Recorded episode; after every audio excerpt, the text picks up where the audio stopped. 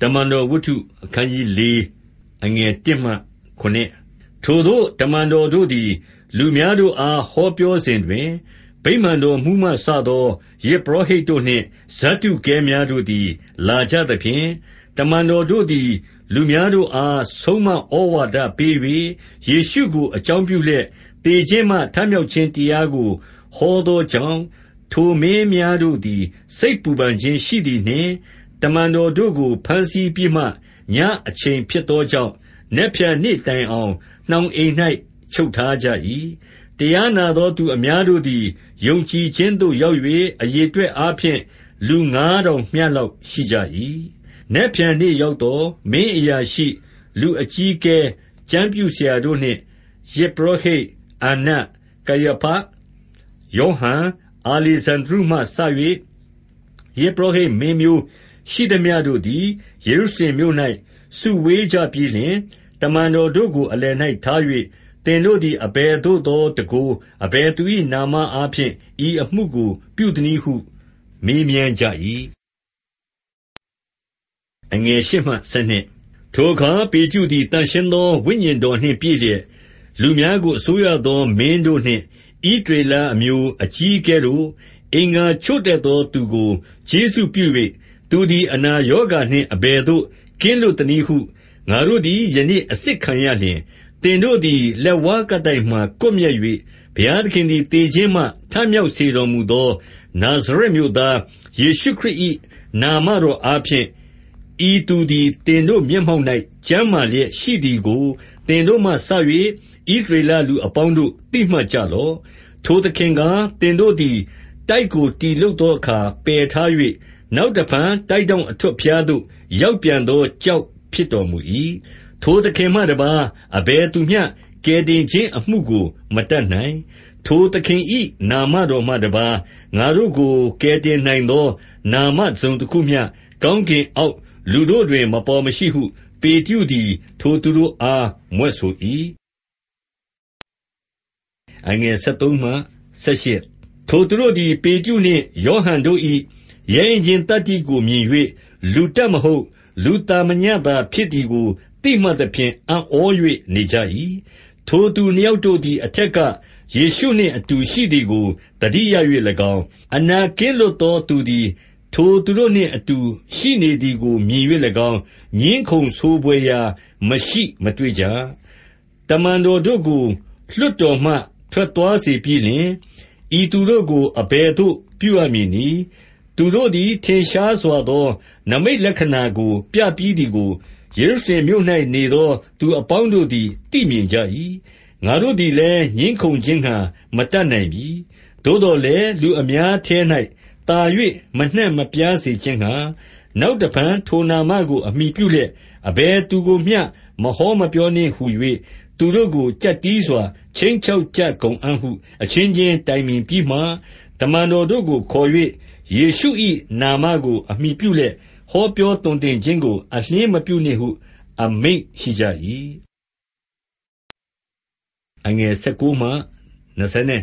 ။ပေတရုနှင့် ယောဟန်တို့ကလည်း၊ဘုရားသခင်၏စကားတော်ကို နားထောင်သည်ထက် သင်တို့၏စကားကို သာ၍နားထောင်သော် ဘုရားသခင့်ရှေ့မှာ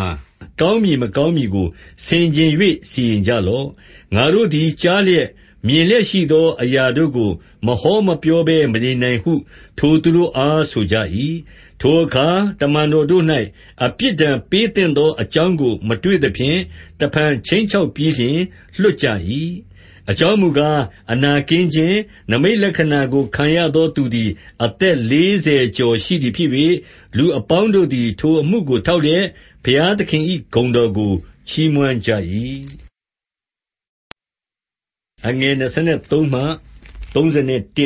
တမန်တော်တို့သည်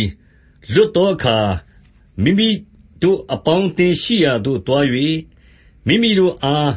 ယဇ်ပုရောဟိတ်အကြီးတို့နှင့် လူအကြီးအကဲတို့ ပြောဆိုသမျှကို ပြန်ကြားကြ၏။ထိုသူများတို့သည် ကြားရလျှင် တညီတညွတ်တည်း ဘုရားသခင့်ထံသို့ အသံကိုလွှင့်လျက်၊အစိုးရတော်မူသောအရှင်၊ကိုယ်တော်သည် ကောင်းကင်၊မြေကြီး၊သမုဒ္ဒရာမှစ၍ ထိုအရပ်တို့၌ရှိသမျှတို့ကို ဖန်ဆင်းတော်မူသော ဘုရားသခင်ဖြစ်တော်မူ၏။ကိုယ်တော်ကလည်း၊လူမျိုးတို့သည် အဘယ်ကြောင့် ရုန်းရင်းခတ်ပြုကြသနည်း။လူစုတို့သည် အဘယ်ကြောင့် အချည်းနှီးကြံစည်ကြသနည်း။လောကီရှင်ဘုရင်တို့သည် ထကြ၍မှူးမတ်အရာရှိတို့လည်း ထာဝရဘုရားနှင့် ခရစ်တော်ကို ရန်ဘက်ပြုလျက် စည်းဝေးကြ၏ဟု ကိုယ်တော်ကျွန်ဒါဝိဒ်၏နှုတ်ဖြင့် ဗျာဒိတ်ထားတော်မူသည်နှင့်အညီ၊ဟေရုဒ်မင်း၊ ပုန္တိပိလတ်မင်းမှစ၍ဣသရေလအမျိုးသား၊တပါးအမျိုးသားတို့သည် ကိုယ်တော်၏အလိုရှိသည်အတိုင်း၊ရှေးမဆွက လက်တော်ဖြင့် ခွဲခန့်မှတ်သားတော်မူနှင့်သမျှတို့ကို ပြုခြင်းငှါ ဘိသိက်ပေးတော်မူသော သားတော်မြတ်ယေရှုကို ဤမြို့၌ရန်ဘက်ပြု၍စည်းဝေးကြပြီ အမှန်ဖြစ်ပါ၏။အိုထာဝရဘုရား၊ယခုအခါ ထိုသူတို့၏ခြိမ်းချောက်ခြင်းကို မှတ်တော်မူပါ။ အနာရောဂါငြိမ်းစေခြင်းငှါ လက်တော်ကို ဆန့်တော်မူ၍၊သန့်ရှင်းသော သားတော်ယေရှု၏နာမတော်အားဖြင့် နိမိတ်လက္ခဏာအံ့ဘွယ်သောအမှုတို့ကို ဖြစ်စေတော်မူစဉ်တွင်၊ကိုယ်တော်၏ကျွန်တို့သည် နှုတ်ကပတ်တရားတော်ကို ရဲရင့်စွာ ဟောပြောပါမည်အကြောင်း ကယ်မသနားတော်မူပါဟု ဆုတောင်းကြ၏။ထိုသို့ ဆုတောင်းပဌနာပြုပြီးမှ၊စုဝေးသောအရပ်သည် တုန်လှုပ်၍၊ ထိုသူအပေါင်းတို့သည် သန့်ရှင်းသော ဝိညာဉ်တော်နှင့် ပြည့်သဖြင့်၊ဘုရားသခင်၏နှုတ်ကပတ်တရားတော်ကို ရဲရင့်စွာ ဟောပြောကြ၏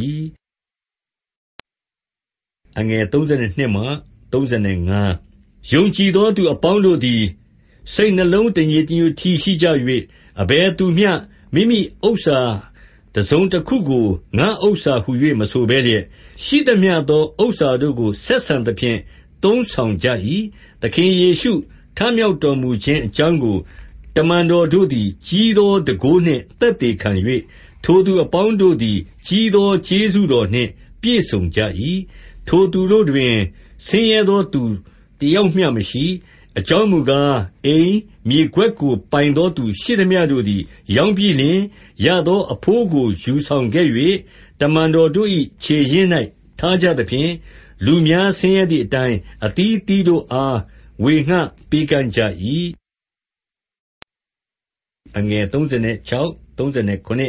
ယောသေအမည်ရှိ၍သက်သာစေခြင်း၏သားဟု ဆိုလိုသော ဗာနဗအမည်သစ်ကို တမန်တော်သို့ သမုတ်ခြင်းအားဖြင့်ရသော ကုပရုပြည်သား လေဝိလူတယောက်သည် မိမိပိုင်သောမြေကို ရောင်းပြီးလျှင်၊ရသောငွေကို ဆောင်ခဲ့၍တမန်တော်တို့၏ခြေရင်း၌ ထားလေ၏။တမန်တော်ဝတ္ထုအခနျး၅အခနျး၁မှ၆သို့ရာတွင် အာနနိနှင့် ရှဖိရိအမည်ရှိသော လင်မယားနှစ်ယောက်တို့မူကား၊ဥစ္စာတစုံတခုကို ရောင်းပြီးလျှင်၊ထိုသူသည် မိမိခင်ပွန်းနှင့် သဘောတူလျက်၊အဘိုး၏တဘို့ကို ထိမ်ဝှက်သဖြင့် တဘို့ကိုသာ ယူဆောင်ခဲ့၍တမန်တော်တို့၏ခြေရင်း၌ထားလေ၏။ ပေတရုကလည်း၊အာနနိ၊သင်သည် သန့်ရှင်းသော ဝိညာဉ်တော်ကို လှည့်စား၍မြေကိုရောင်းသောအဘိုး၏တဘို့ကိုထိမ်ဝှက်မည်အကြောင်း၊စာတန်သည် သင်၏စိတ်နှလုံးကို အဘယ်ကြောင့် ပြည့်စေရသနည်း။ထိုမြေရှိစဉ်တွင် ကိုယ်ပိုင်သည်မဟုတ်လော။ရောင်း၍ရသောအဘိုးသည် ကိုယ်ဥစ္စာဖြစ်သည် မဟုတ်လော။အဘယ်ကြောင့် ဤသို့ကြံစည်သနည်း။လူကိုသာ မုသာပြောပြီမဟုတ်၊ဘုရားသခင်ကိုလည်း မုသာပြောပြီဟု ပေတရုဆို၏။ ထိုစကားကိုကြားလျှင် အာနနိသည် လဲ၍သေ၏။ထိုအကြောင်းအရာကို ကြားသောသူအပေါင်းတို့သည် အလွန်ကြောက်လန့်ခြင်းသို့ ရောက်ကြ၏။လုလင်တို့သည်လည်း ထ၍အလောင်းကောင်ကို အဝတ်နှင့် ပတ်ရစ်ပြီးလျှင် ဆောင်သွား၍သင်္ဂြိုဟ်ကြ၏။ထိုနောက်သုံးနာရီခန့်လောက်ကြာလျှင်၊သူ၏ခင်ပွန်းသည် ဖြစ်ခဲ့ပြီးသော အမှုအရာကို မသိဘဲလျက် ဝင်လာ၏။ ပေတရုကလည်း၊ဤမျှလောက်နှင့် မြေကို ရောင်းသလော။ငါ့အား ပြောလော့ဟုမေးလျှင်၊ထိုမိန်းမက၊ဟုတ်ပါ၏။ဤမျှလောက်နှင့်ပင် ရောင်းပါသည်ဟုဆို၏။ပေတရုကလည်း၊ထာဝရဘုရား၏ဝိညာဉ်တော်ကို စုံစမ်းမည်ဟု သဘောတူနှင့် အဘယ်ကြောင့် ကြံစည် ကြသနည်း။ကြည့်ရှုလော့။သင်၏ခင်ပွန်းကို သင်္ဂြိုဟ်သော သူတို့၏ခြေသည် တံခါးနားမှာရှိသည်ဖြစ်၍၊သင့်ကိုလည်း ဆောင်သွားလေဦးမည်ဟု ဆိုသော ခဏခြင်းတွင်၊ ထိုမိန်းမသည် ပေတရု၏ခြေရင်း၌လဲ၍သေလေ၏။လုလင်တို့သည်လည်း ဝင်၍ထိုမိန်းမသေသည်ကို တွေ့လျှင် ဆောင်သွား၍သူ၏ခင်ပွန်းအနားမှာ သင်္ဂြိုဟ်ကြ၏။သင်းဝင်သူအပေါင်းမှစ၍ထိုအကြောင်းအရာကို ကြားရသော သူအပေါင်းတို့သည် အလွန်ကြောက်လန့်ခြင်းသို့ ရောက်ကြ၏။12 တမန်တော်တို့သည်လည်း လူများရှေ့မှာ နိမိတ်လက္ခဏာ၊အံ့ဘွယ်သော အမှုအရာများကို ပြုကြ၏။ထိုသူအပေါင်းတို့သည် ရှောလမုန်ကနားပြင်၌တညီတညွတ်တည်း နေကြသဖြင့်၊ကြွင်းသောသူ တစုံတယောက်မျှ မပေါင်းဘော်ဝံ့သော်လည်း၊လူများတို့သည် ကောင်းကြီးပေးကြ၏။သခင်ဘုရား၌ယုံကြည်သော ယောက်ျားမိန်းမအပေါင်းတို့သည် သင်းဝင်ကြ၏။13ပေတရုသည် လမ်း၌ရှောက်သွားစဉ်၊အနာစွဲသော သူတို့တွင်တ ယောက်ယောက်ကို သူ၏အရိပ်လွှမ်းမိုးစေခြင်းငှါ၊လူနာတို့ကို လမ်းနားသို့ ထုတ်၍ခုတင်မွေ့ရာပေါ်မှာ ထားကြ၏။14ပတ်လည်ဝန်းကျင်၌ရှိသော မြို့သူရွာသားအပေါင်းတို့သည် အနာစွဲသောသူ၊နတ်ဆိုးညှဉ်းဆဲသောသူတို့ကို ဆောင်ခဲ့လျက်၊ယေရုရှလင်မြို့သို့ စုဝေးလာကြ၍၊ထိုသူအပေါင်းတို့သည် အနာကင်းလွတ်ခြင်းသို့ ရောက်ကြ၏။ 15ထိုအခါ ယဇ်ပုရောဟိတ်မင်းနှင့် ဇဒ္ဒုကဲဖြစ်သော ထိုမင်း၏အပေါင်းအဘော်ရှိသမျှတို့သည် ထ၍ဒေါသ အမျက်နှင့် ပြည့်ကြသဖြင့်၊တမန်တော်တို့ကို ဘမ်းဆီး၍ထောင်ထဲ၌လှောင်ထားကြ၏။16ညဉ့်အခါ ထာဝရဘုရား၏ကောင်းကင်တမန် သည် ထောင်တံခါးကို ဖွင့်ပြီးလျှင်၊ထိုသူတို့ကို နှုတ်၍သင်တို့သွားကြလော့။ဗိမာန်တော်၌ရပ်၍အသက်ရှင်ခြင်း တရားစကားအလုံးစုံကို လူများတို့အား ဟောပြောကြလော့ဟု မှာထား၏။17ထိုစကားကိုကြားလျှင် နံနက်စောစော ဗိမာန်တော်သို့ဝင်၍ဆုံးမဩဝါဒပေးကြ၏။18ယဇ်ပုရောဟိတ်မင်းနှင့် သူ၏အပေါင်းအဘော်တို့သည် လာကြသဖြင့်၊လွှတ်အရာရှိမှစ၍ဣသရေလလူတို့တွင် အသက်ကြီးသောသူအပေါင်းတို့ကို စုဝေးစေပြီးမှ၊တမန်တော်တို့ကို ခေါ်စေခြင်းငှါ လုလင်တို့ကို ထောင်သို့စေလွှတ်ကြ၏။19 မင်းလုလင်တို့သည် ထောင်သို့ရောက်လျှင်၊တမန်တော်တို့ကို ထောင်ထဲမှာ မတွေ့သည်ရှိသော် ပြန်ကြ၍၊ထောင်တံခါးလည်း အထူးသဖြင့် လုံခြုံစွာပိတ်လျက်၊ထောင်ကို စောင့်သောသူတို့လည်း တံခါးပြင်မှာ ရပ်နေကြသည်ကို အကျွန်ုပ်တို့သည် တွေ့ပါ၏။ဖွင့်ပြီးမှ အထဲ၌အဘယ်သူကိုမျှ မတွေ့ပါဟု ကြားလျှောက်ကြ၏။20ယဇ်ပုရောဟိတ်မင်းနှင့် ဗိမာန်တော်မှူးအစရှိသော ယဇ်ပုရောဟိတ်အကြီးတို့သည် ထိုစကားကိုကြားလျှင်၊ထိုအမှုသည် အဘယ်သို့သောအမှုဖြစ်လိမ့်မည်နည်းဟူ၍တွေးတောခြင်းရှိကြ၏။21ထိုအခါ လူတယောက်သည်လာ၍ထောင်ထဲမှာ လှောင်ထားသော သူတို့သည် ဗိမာန်တော်၌ရပ်လျက်၊လူများတို့အား ဆုံးမဩဝါဒပေးကြပါသည်ဟု လျှောက်လေ၏။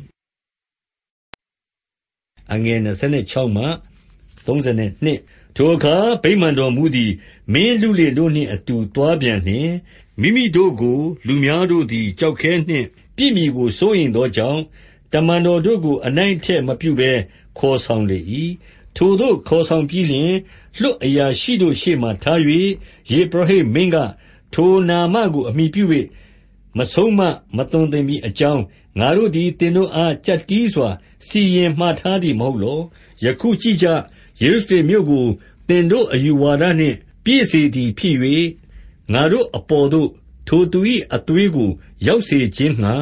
သင်တို့ကြံစည်ပါသည်တကားဟု မေးမြန်းပြောဆိုကြ၏။25ပေတရုနှင့် အခြားသော တမန်တော်တို့ကလည်း၊လူ၏စကားထက် ဘုရားသခင်၏စကားတော်ကို နားထောင်သင့်ပါ၏။သင်တို့သည် သစ်တိုင်၌ဆွဲ၍ ကွပ်မျက်သော ယေရှုကို ငါတို့ဘိုးဘေးများ၏ဘုရားသခင်သည် ထမြောက်စေတော်မူပြီ။26ဣသရေလလူအပေါင်းတို့အား နောင်တတရားနှင့် အပြစ်လွှတ်ခြင်းအခွင့်ကို ပေးစေခြင်းငှါ၊ထိုသူကို အစိုးရသော အရှင်အရာ၌၎င်း၊ကယ်တင်သော သခင်အရာ၌၎င်း၊ဘုရားသခင်ခန့်ထား၍မိမိလက်ျာလက်တော်နှင့် ချီးမြှင့်တော်မူပြီ။ထိုအကြောင်းအရာတို့သည် အမှန်ဖြစ်ကြောင်းကို ငါတို့သည် သက်သေခံ ဖြစ်ကြ၏။ဘုရားသခင်၏စကားတော်ကို နားထောင်သောသူတို့အား ပေးသနားတော်မူသော သန့်ရှင်းသော ဝိညာဉ်တော်သည်လည်း သက်သေခံဖြစ်တော်မူသည်ဟု ပြောဆိုကြ၏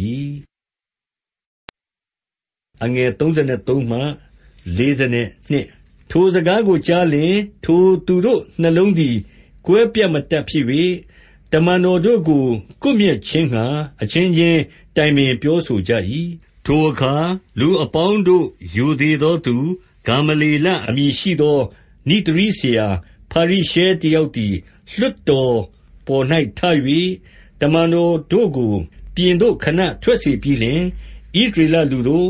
၊ဤသူတို့အား အဘယ်သို့ ပြုမည်အရာကို သတိနှင့် ဆင်ခြင်ကြလော့။အကြောင်းမူကား၊အထက်က သုဒအမည်ရှိသော သူတယောက်သည် ထသဖြင့်၊ ငါသည် လူသာမညမဟုတ်ဟုဆိုသည်ဖြစ်၍၊သူ၌လူလေးရာမျှလောက် ဆည်းကပ်ကြ၏။ထိုသူသည် ပျက်စီးခြင်းသို့ရောက်၍၊သူ့ကိုယုံကြည်သမျှသော သူတို့သည် ကွဲပြားပျောက်ပျက်ကြ၏။ထိုသူနောက်ငွေတော်ခွဲစဉ်ကာလ၊ယုဒအမည်ရှိသော ဂါလိလဲလူတယောက်သည်လည်း ထ၍မိမိနောက်သို့ လူများကို သွေးဆောင်လေ၏။ထိုသူသည်လည်း ပျက်စီးခြင်းသို့ရောက်၍၊ သူ့ကို ယုံကြည်သမျှသော သူတို့သည် ပျောက်လွင့်ကြ၏။ယခုလည်း ဤသူတို့ကို ရှောင်ရှား၍အလိုအလျောက်ရှိကြပါစေဟု ငါဆို၏။ဤအကြံ ဤအမှုသည် လူ၏အကြံ လူ၏အမှုဖြစ်လျှင် ပျက်စီးခြင်းသို့ ရောက်လိမ့်မည်။ဘုရားသခင်၏အကြံအမှုဖြစ်လျှင် သင်တို့သည် မဖျက်ဆီးနိုင်ကြ။သင်တို့သည် ဘုရားသခင်၏အာဏာတော်ကို ဆန်သောသူမဖြစ်မည်အကြောင်း သတိပြုကြလော့ဟု ပြောဆို၏။ထိုစကားကို နားထောင်ကြသဖြင့်၊တမန်တော်တို့ကို ခေါ်၍ရိုက်နှက်ပြီးမှ၊ယေရှု၏နာမကို အမှီပြုလျက် မဟောမပြောမည်အကြောင်း မြစ်တား၍လွှတ်ကြ၏။တမန်တော်တို့သည်လည်း သခင်ယေရှု၏နာမတော်ကြောင့် မိမိတို့သည် အရှက်ခွဲခြင်းကို ခံထိုက်ကြသည်ဟု မှတ်တော်မူသောကြောင့်၊ဝမ်းမြောက်သောစိတ်ရှိ၍လွှတ်တော်မှ ထွက်သွားကြ၏။ဗိမာန်တော်၌၎င်း၊ အိမ်၌၎င်း၊နေ့တိုင်းအစဉ် ဆုံးမသွန်သင်လျက်၊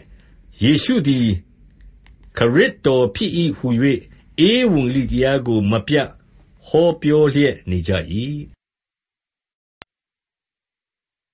။တမန်တော်ဝတ္ထုအခနျး6အငယ်1မှ6ထိုကာလ၌တပည့်တော်တို့သည် များပြားသည်ရှိသော်၊နေ့ရက်အစဉ်အတိုင်း လုပ်ကျွေးသောအခါ၊ဟေလေနစ်အမျိုး မုတ်ဆိုးမတို့ကို မလုပ်မကျွေးဟု ထိုအမျိုးသားတို့သည် မြည်တမ်း၍ဟေဗြဲလူတို့ကို အပြစ်တင်ကြ၏။ထိုအခါ တကျိပ်နှစ်ပါးသော တမန်တော်တို့သည် တပည့်တော်အပေါင်းတို့ကို ခေါ်ပြီးလျှင်၊ငါတို့သည် ဘုရားသခင်၏နှုတ်ကပတ်တရားတော်ကို ထား၍စားပွဲ၌လုပ်ကျွေးမှုကို မဆောင်သင့် ထိုကြောင့်၊ညီအစ်ကိုတို့၊ဝိညာဉ်တော်နှင့်၎င်း၊ပညာနှင့်၎င်း ပြည့်စုံလျက်၊အသရေရှိသော လူခုနစ်ယောက်တို့ကို သင်တို့တွင် ရှာကြလော့။ဤအမှုကို ဆောင်ရွက်စေခြင်းငှါ ထိုသူတို့ကို ငါတို့သည် ခန့်ထားကြမည်။ငါတို့မူကား၊ဆုတောင်းပဌနာပြုခြင်း၊နှုတ်ကပတ်တရားတော်ကို ဟောပြောခြင်းအမှုတို့ကို အမြဲပြု၍နေမည်ဟု ဆိုကြ၏။ထိုစကားကို လူအစုအဝေးအပေါင်းတို့သည် နှစ်သက်ကြသဖြင့် ယုံကြည်ခြင်းနှင့်၎င်း၊သန့်ရှင်းသော ဝိညာဉ်တော်နှင့်၎င်း ပြည့်စုံသော သတေဖန်မှစ၍ဖိလိပ္ပု၊ပြောခေါ်၊နိကနော်၊ တိမုန်၊ပါမေန၊ယုဒဘာသာဝင်သော အန္တိအုတ်မြို့သား နိကောလတို့ကို ရွေးကောက်၍တမန်တော်တို့ရှေ့၌ထားကြ၏။တမန်တော်တို့သည်လည်း ဆုတောင်းပြီးလျှင် ထိုသူတို့၏ခေါင်းပေါ်၌လက်ကိုတင်ကြ၏။7ဘုရားသခင်၏သာသနာတော်သည် တိုးပွားသဖြင့်၊ယေရုရှလင်မြို့၌တပည့်တော်တို့သည် အလွန်ပွားများ၍၊ ယဇ်ပုရောဟိတ်အပေါင်းတို့သည် ယုံကြည်ခြင်းတရားကို နားထောင်ကြ၏။သတေဖန်သည် ကျေးဇူးတော်နှင့်၎င်း၊တန်ခိုးတော်နှင့်၎င်း ပြည့်စုံသဖြင့်၊ကြီးစွာသော နိမိတ်လက္ခဏာ၊အံ့ဘွယ်သောအမှုတို့ကို လူများရှေ့မှာ ပြုလေ၏။ထိုအခါ လိဗေရတိန်အပေါင်းအသင်းဝင်သော သူမှစ၍ကုရေနေပြည်သား၊အာလေဇန္ဒြုပြည်သား၊ကိလိကိပြည်သား၊အာရှိပြည်သားအချို့တို့သည် ထ၍ သတေဖန်နှင့် ငြင်းခုံခြင်းကို ပြုစဉ်တွင်၊သူဟောပြော၍သုံးစွဲသော ပညာနှင့် ဝိညာဉ်တော်ကို မခံမဆီးနိုင်ကြ။ထိုအခါ ဤသူသည် မောရှေကို၎င်း၊ဘုရားသခင်ကို၎င်း လွန်ကျူး၍ပြောသည်ကို ငါတို့ကြားရပါပြီဟု သက်သေခံမည့်သူတို့ကို တိတ်ဆိတ်စွာ ခေါ်၍ထားကြပြီးလျှင်၊လူများကို၎င်း၊အကြီးအကဲ၊ကျမ်းပြုဆရာတို့ကို၎င်း နှိုးဆော်၍သတေဖန်ထံသို့ လာသဖြင့် ဘမ်းဆီး၍လွှတ်တော်သို့ ပို့ကြ၏။မမှန်သောသက်သေတို့ကို ခေါ်၍၊ဤသူသည် သန့်ရှင်းသောအရပ်ဌာနတော်နှင့် ပညတ်တရားတော်ကို လွန်ကျူး၍အစဉ်မပြတ် ပြောဆိုလျက်နေပါ၏။ထိုနာဇရက်မြို့သား ယေရှုသည် ဤအရပ်ဌာနတော်ကို ဖျက်ဆီး၍ငါတို့အား မောရှေအပ်ပေးသော ထုံးနည်းဥပဒေသကို ပြောင်းလဲစေမည်ဟု ဤသူဆိုသည်ကို အကျွန်ုပ်တို့သည် ကြားရပါပြီဟု သက်သေခံကြ၏။လွှတ်တော်၌ထိုင်လျက်ရှိသော သူအပေါင်းတို့သည် သတေဖန်ကို စေ့စေ့ကြည့်ရှုလျှင်၊သူ၏မျက်နှာသည် ကောင်းကင်တမန်၏မျက်နှာကဲ့သို့ ဖြစ်သည်ဟု ထင်မှတ်ကြ၏။